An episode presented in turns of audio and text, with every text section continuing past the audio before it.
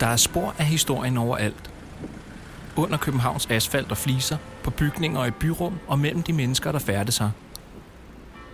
En af byens bygninger, det tidligere overformynderi i Stormgade, huser Københavns Museum, der samler hele hovedstadens historie.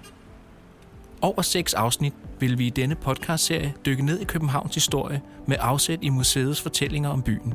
Fortællinger, der handler om byen i tusind år, men som også går tilbage til før København blev København. Hør om vikingebosættelser og sørøverangreb, byggeboom og brænde, og drømme, fattigdom, rigdom og alt det imellem. Du lytter til København i 1000 år. Hvor biskop Absalon måske fejlagtigt længe har været anset som Københavns grundlægger, så er der især en anden dansk bygherre, der oftest forbindes med den historiske udvikling af byen.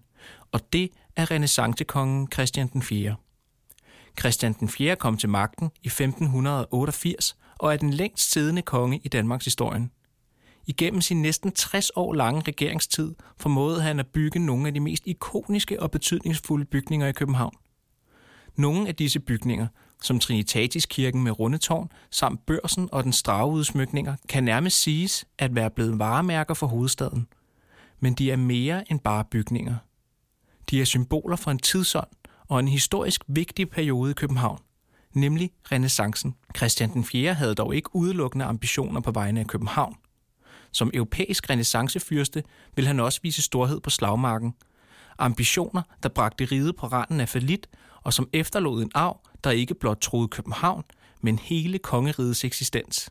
Når vi taler om Københavns historie, så er det meget svært at komme udenom øh, Christian 4 som jo var, i virkeligheden taler man af til om, byens anden grundlægger. Det var jo, øh, kan man sige, i Christian 4. tid, at byen for alvor voksede ud over bynormen andre steder i riget. Det var der, byen blev af en størrelse, hvor den for alvor overgik alle andre byer i det danske rige, både i pragt og i størrelse og i befolkningstal. Sådan siger Jakob Parby, historiker og museumsinspektør på Københavns Museum. Vi ved ikke i detaljer, hvor faktisk så meget om befolkningstal i København. Men der er selvfølgelig gode folk før mig, der har studeret det og har estimeret, at befolkningstallet omkring hans tiltrædelse i slutningen af 1500-tallet er, er cirka 10.000. Men i det store hele er det stadigvæk en meget lille hovedstad sammenlignet med, med andre europæiske lande. Og det vil Christian Fjer gøre noget ved. Han kan simpelthen se, at det her det går ikke, og særligt med renaissancen er det blevet ligesom næsten kommet i altså at man skal have, hvis man skal være et, et, et rige af betydning og en, en fyrste af betydning, så skal man også have en by, der matcher ligesom det billede af sig selv, som man, man gerne vil give videre til resten af verden.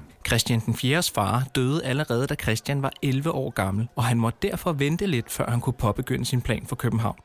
Desuden var der også en grundig skolegang, der skulle gennemføres. Da han bliver konge, er han faktisk stadig mindreårig. Øh, så i begyndelsen er der jo et, et, et øh, formønderstyre, der, der, der sådan set står for den hvad vil sige, daglige drift af riget.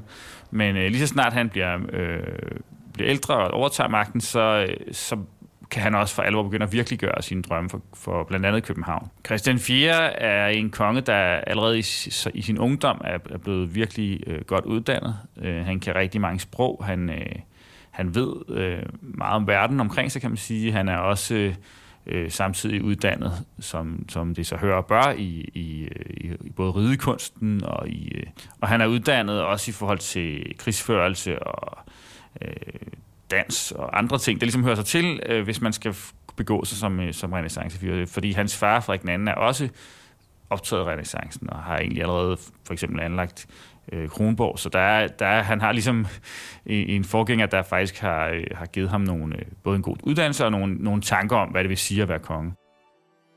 Og i renaissancen er det at være konge mange ting.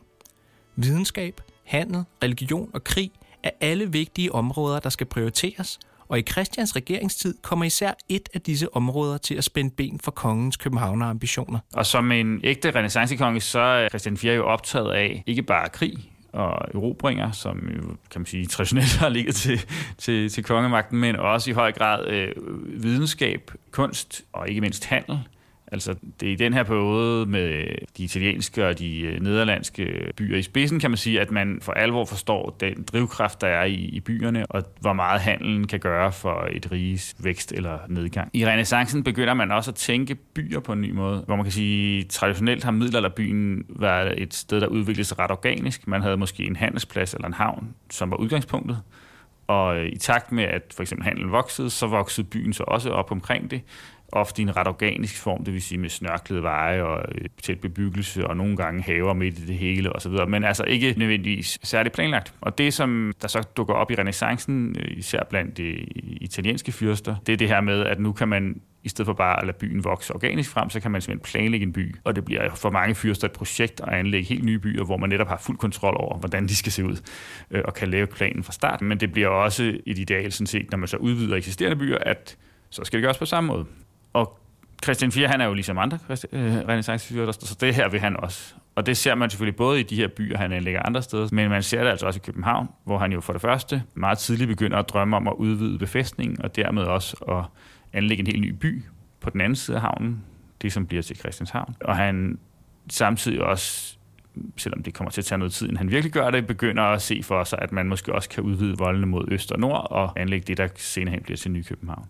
I begyndelsen af Christian den 4. regeringstid lever hans drøm for København i bedste velgående. Byen skal udvides, forsvaret skal forstærkes, og begge disse forbedringer kan udføres på en og samme tid, nemlig ved at anlægge en ny bydel, Christianshavn.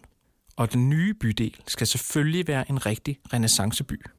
Christianshavn bliver også anlagt fuldstændig efter renaissances ideal, og det kan man jo tydeligt se også stadigvæk i dag, hvis man går rundt der. Der er både de her kanaler, men frem for alt er det, er det sådan geometrisk stramt øh, altså med, med lige gader og, og rektangulære byggegrunde, kan man sige. Man anlægger broen, man anlægger også begyndelsen til Christianshavn på den smule af området, hvor øh, der er fastland, og begynder også opfyldningen langs med det, vi kender som Strandgade i dag, det bliver jo også strandgade allerede på det tidspunkt, men altså, der begynder man at opfylde øh, området uden for den her landtange og øh, opføre nogle af de første huse. Og den måde, Christian Fier så får udviklet Christianshavn på som bydel, det er jo på flere måder. For det første så giver han øh, bydelen øh, købstadsrettigheder øh, i en periode, så det ligesom bliver sin egen selvstændige by med selvstændige privilegier, og det skulle gerne gøre det attraktivt for, for købmænd og andre velhavere at flytte til bydelen, måske endda også håndværkere.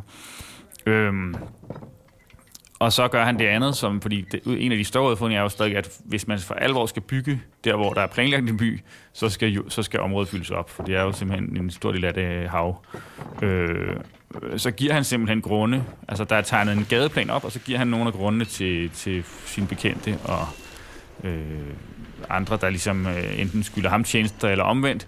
Øh, og man kan sige, det er jo en ret usagnemelig gave i nogle tilfælde i hvert fald, fordi øh, udover at man så får en grund, der øh, ligger under vand, så skal man øh, både opfylde den op, men der står så også i de fleste af de her øh, gavebreve, kan man sige, at, at det også forpligter til, at man skal bygge et hus øh, i en vis forfatning. Altså, det, der forskynder øh, byen, bydelen på en eller anden måde. Så man kan ikke bare bygge en, øh, et skur, det skal være et ordentligt hus. Det kan være svært at forestille sig i dag, men Christianshavn er faktisk skabt ved såkaldt landvinding. Tusindvis af tons jord fra Amager samt byggeaffald og skrald blev kastet i vandet, efter der blev udstukket grunden, som byens velhavende borgere kunne overtage. Langsomt men sikkert skød den nye bydel op af havet. Dette gjorde ikke blot byen større, men fungerede også som beskyttelse af Slotsholmen mod angreb fra søsiden. Og oprindeligt var den jo i tråd med Christian Fiers glæde ved floden og optagethed af floden og sømandskabet, så var den lige tænkt som en sømandsby, altså næsten som det nye Boder senere blev, altså som et sted, hvor der skulle søfolkene bo. Men den endte jo meget hurtigt med at blive nærmere en handels- og købmandsby, altså egentlig på mange måder lignende København. Alligevel var der faktisk længe efter os, den ikke længere havde sine egne privilegier, det sluttede i 1670'erne, var der den her opfattelse af, at det var sin egen by, øh, og ikke, ikke bare en, en, en integreret del af København. Det er nok noget, der faktisk for alvor sker, da voldene falder, og man ligesom begynder at udvide byen uden for Christianshavn, og så begynder det at blive helt tydeligt, at det, nu er det ligesom næsten en del af centrum, måske vil vi sige i dag. Men opførelsen af Christianshavn er på trods af projektets størrelse kun et delmål for Christian den 4. ambitioner for byen.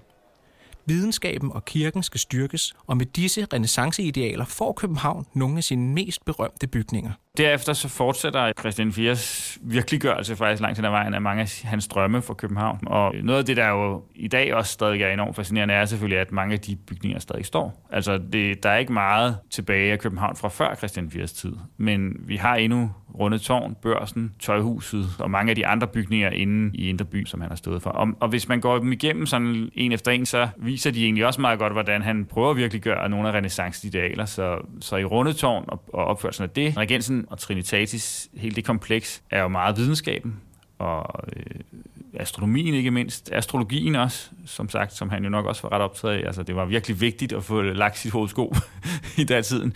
Øhm, og det skulle gøres af de dygtigste astronomer, så Christian IV fik dem selvfølgelig lagt af Tycho Brahe. Komplekset består jo både af selve runde tårn, altså som jo er et, i og for sig et udsigtstårn, ligesom i dag, men også øverst op et observatorium, så det er jo det, den primære funktion er. Men så også øh, et øh, universitetsbibliotek, som placeres på loftet af Trinitatis Kirke, og så selvfølgelig selve kirken, som er en, øh, også en udvidelse, kan man sige, af, af kapaciteten, og jo også meget godt viser, at selvom man nu var optaget af videnskab og individ og alt muligt andet, så var det stadig vanvittigt vigtigt, det her med at være ret troende som konge, og netop protestantismen og, og sådan overholdelsen af de protestantiske idealer, eller former og normer, spiller jo en kæmpe rolle også i Christian 4. tid, og der er jo sådan set stadig den her opfattelse i, i tiden af, at hvis, hvis der er noget, der går galt, altså hvis riget ikke lykkes i sin krige eller noget andet, så må meget skylden også falde tilbage på, at kongen måske ikke har opført sig selv i overensstemmelse med troen, eller at han ikke har sørget for, at den rette tro ligesom bliver udbredt i hans rige. Men det kompleks, det er jo Christian Fjers materialisering af renaissancens idealer. I renaissancen kommer der et øget fokus på handel. Købmandskab bliver et buzzword, og derfor skal hovedstaden have et nyt handelscentrum. For at vise vigtigheden af dette ideal, placerer Christian den 4. det nye handelscentrum Børsen klods op af Slottholmen. Et andet bygningsværk, som jo virkelig også passer ind i tidens idealer, det er børsen, som jo øh, både dels er inspireret simpelthen af børsen i Amsterdam, men også øh, er udtryk for igen den her tanke om, at renaissancefyrsten skal også sikre handelen i sit rige, og at handelen ligesom bliver op øh, graderet i øh, magthavernes bevidsthed. Altså, øh, man kan sige, groft sagt sige, Indtil det her tidspunkt er det måske i høj grad sådan, at kongen baserer sin magt på adelen, som baserer sin velstand og magt på øh, landbruget og på godser ude i landområderne. Og så findes der selvfølgelig købmandskab og handel, men det bliver måske generelt ikke betragtet som lige så fornemt og fin en måde at tjene penge på, som det her med at dyrke jorden og leve af den. Men i og med, at handelen vokser og vokser, og der også bliver nye måder at føre krig på, hvor man tidligere i høj grad bare udskrev bønder til at kæmpe i sin hære, så begynder man at have brug for lejesoldater, og dermed rigtig mange penge til at føre krig for, så bliver købmændenes position også forandret, og kongerne har i høj grad brug for de penge, de kan låne af handelsfolkene. Og blandt andet derfor bliver købmandskabet så ophøjet til noget mere og bedre, og kongerne begynder også selv, og fyrsterne begynder også selv at være interesseret i, hvordan de kan opgradere rigetshandel som helhed. Og det gør Christian 4 på mange måder. Han gør det ved at oprette handelskompanier. Det er jo ham, der sådan set starter den her tanke om at oprette koloniale handelskompanier, hvad de siger, altså med Ostindisk kompani, og, og indgåelsen af aftalen omkring Trankebar. Og det afspejler sig så konkret i København ved, at børsen bliver opført, blandt andet for, at skibene fra de her handelskompanier kan sejle op langs øh, siderne på, på begge sider af bygningen og læse de her øh, nye eksotiske varer af, som kan sælges i dyredommen. Og selv sagt gør kongen så det for at, at styrke København, at han giver kompanierne og de købmænd, der deltager i dem, øh, monopol, og byen monopol, så det vil sige handlen med krydderier, for eksempel te fra Indien og Asien, det skal foregå fra børsen, og ikke alle mulige andre steder i riget. Så det skaber jo en, en enorm øh, dynamik og velstand i København, fordi nu er det her, at den her meget, meget kostbare handel foregår, og det vil sige, øh, de mennesker, der handler, de får også flere penge, og de bruger så også flere penge på andre produkter, og det skaber sådan en vækstspiral, kan man sige, i, i byen. Og det symboliserer børsen sådan set, ligesom det også selvfølgelig arkitektonisk som bygningsværk er fantastisk, men altså det, det, det er den her dynamik, som man, jeg tit tænker på, når, man, når jeg ser på bygningen. Det er måske vigtigt lige at understrege, at børsen, da den bliver opført, og i de første mange århundreder efter det, ikke er en aktiebørs, sådan som vi kender det i dag. Altså, der begynder at være handel med aktier og, og værdipapirer i, i løbet af 1700-tallet, men det foregår egentlig ikke kun på børsen. Det er mere selve formen for, for indgåelse af aftaler opstår der. Men i 1600-tallet er det stadigvæk en varebørs. Der findes små boder langs alle de her porte, vi stadig kan se både i stueetagen og, og på første sal.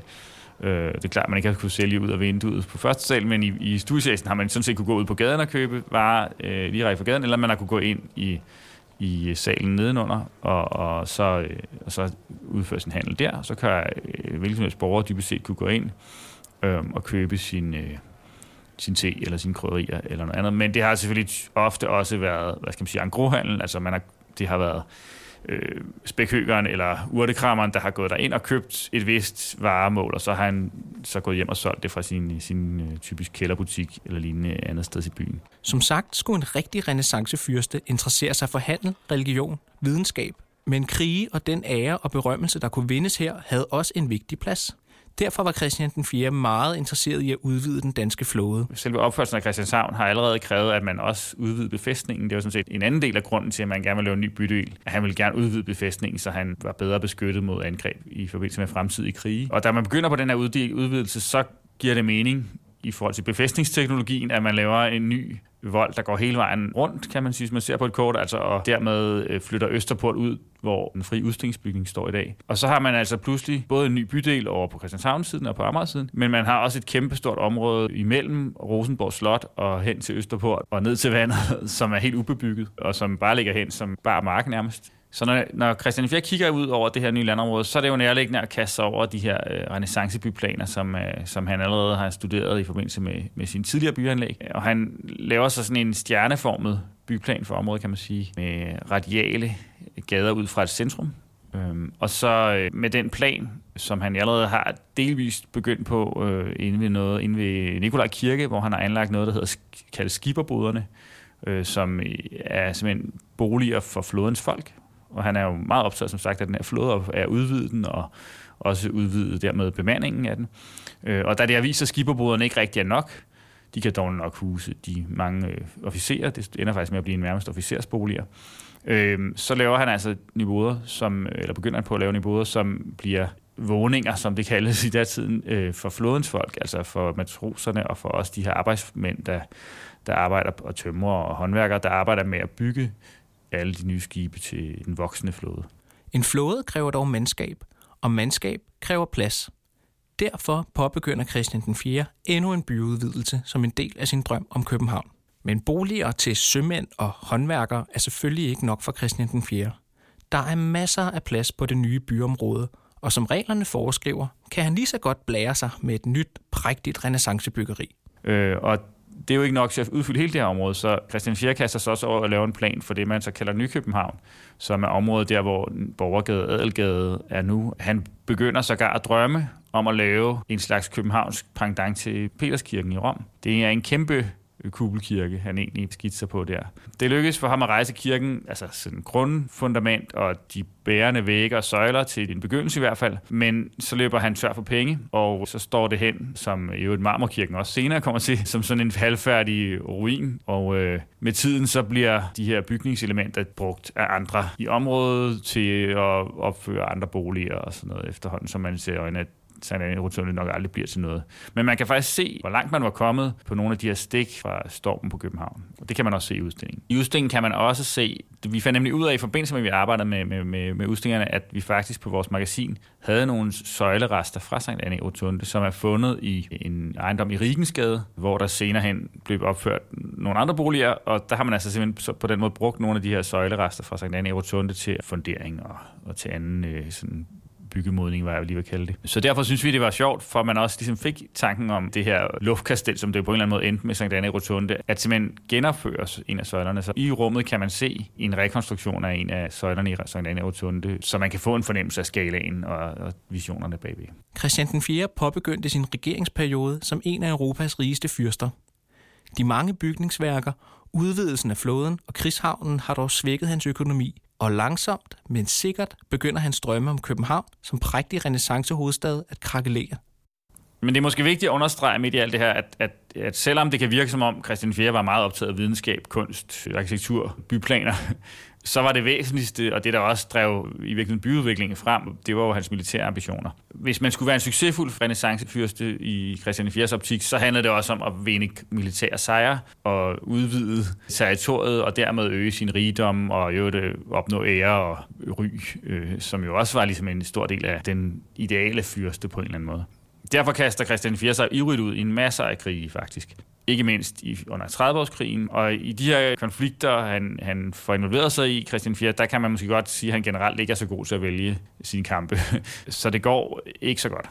Og han bruger utrolig mange penge især på og udstyre de, øh, de lejeherrer, som er en del af datidens krigsførsel. Så selvom han egentlig overtager et, et rige i en god økonomi, og han har mange penge, det kan man jo også næsten se på, at han kan virkelig gøre så mange af sine projekter i tidlig sin regeringstid, så gradvist så udhules pengekassen, og det er sådan set også en del af grunden til for eksempel, at René rotunde ikke bliver til noget. Og han øh, ender jo som en faktisk ret forgældet, og om ikke nedbrudt, men i hvert fald meget økonomisk presset konge.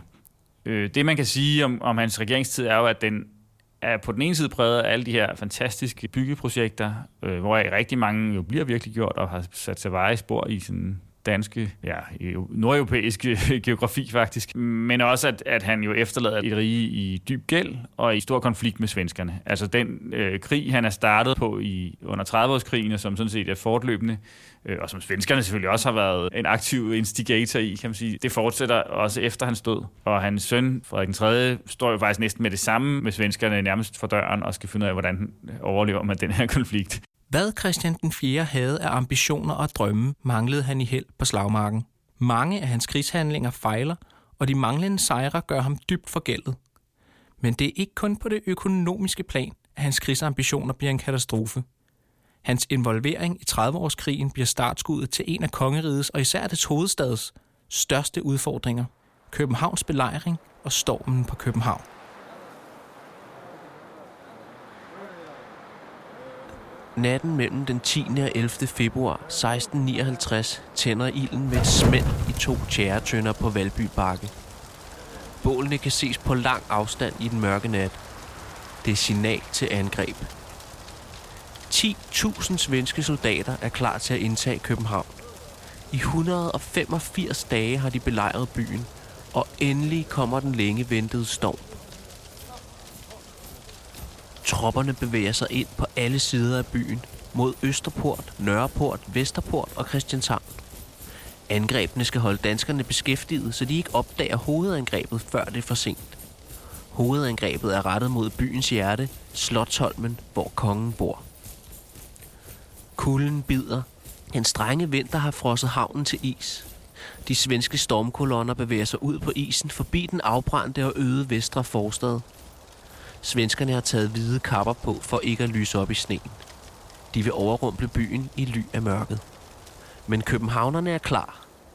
Lige så talstærke som svenskerne venter de i tavshed på volden. Høj som lav, klar til kamp. De ved, at svenske kongen har lovet soldaterne tre dages fri plyndring, voldtægter haven, når de indtager byen. Og de ved, at hvis København falder, bliver Danmark til en svensk provins.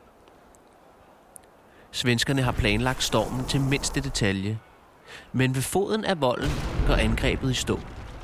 De befinder sig i et sandt inferno af kanonild, musketkugler, brændende tjære og kogende vand. Soldaterne falder døde og sårede om i hobevis. I de næste par timer stormer soldaterne op af voldskrænterne under hissig ildkamp. Men kun en håndfuld når helt op, og de bliver straks hugget ned – Svenskerne stormer de to kanonskibe, der ligger frosset fast i isen og skyder det ene i brand. Angrebet mod Østervold sætter først ind længe efter de andre. Tropperne går galt i mørket og angriber ved en fejl bastionen ved Sankt Anne Rotunde. Her venter hollandske marinesoldater, som er kommet københavnerne til undsætning. De åbner en dræbende ild, og ligesom alle de andre steder må svenskerne flygte under stor tumult og med store tab. Da morgenlyset bryder frem, ringer kirkeklokkerne, og der lyder lovsang for alle byens kirker. Overalt i sneen, over og under isen, ligger der døde og sårede kroppe. Stormen er slået tilbage. Man kan sige, at på den ene side så arver Frederik den 3. konflikten fra sin far, men på den anden side har øh, Christian 4. også efterladt ham et redskab til at overvinde konflikten, eller i hvert fald overleve konflikten. Så da øh, svenskerne i øh, 1658 belejrer København, øh, efter de har erobret resten af riget, så er det rigtig, rigtig godt, at København er blevet befæstet så godt i Christian IV's tid, og han har lavet helt den her enorme udvidelse af befæstningen, så den gør det væsentligt sværere at erobre den. Og det er også godt for riget, at de andre europæiske magter de er ikke interesserede i, at svenskerne skal vinde den her krig. Så udover at Christian Fjern på det her punkt har været øh, forudseende og har skabt nogle muligheder for at overleve, så er det også heldigt, at især hollænderne blander sig i konflikten og sender jo simpelthen både soldater og skibe til at være med til at modstå svenskerne. På mange måder må man jo sige, at øh, Christian Fjers regeringsperiode har været utrolig gunstig for København, og har sat sig nogle spor, som vi stadig kan gå rundt og beundre og være øh, utrolig taknemmelige for. På den anden side er hans regeringsførelse også med til at skabe nogle konflikter, og nogle problemer, som faktisk skaber den største krise i Københavns historie nogensinde, og er tæt på at sætte hele riget på spil. Selvom Christian den 4. altså sender landet ud i dets måske farligste og mest skæbnesvangre krig i Danmarks historie, så har han også bidraget med løsningen på problemet. Men det er ikke det eneste, han efterlader sig til sin søn. I mange år har Christian den 4. arbejdet på at centralisere sin magt, og dette arbejde videreføres af hans søn Frederik den 3., der i 1660 bliver landets første enevældige konge. Med enevælden starter et nyt kapitel i hovedstadens historie. Sammen med den enevældige konge og hele hans hof flytter landets rigeste mænd til byen, og et socialt våbenkapløb begynder at udspille sig i byens gader. Perioden er dog også plaget af voldsomme katastrofer som brænde, sygdomsudbrud og angreb. Katastrofer, der kommer til at sætte uudslettelige aftryk på byen – Lyt med i tredje afsnit af København i 1000 år.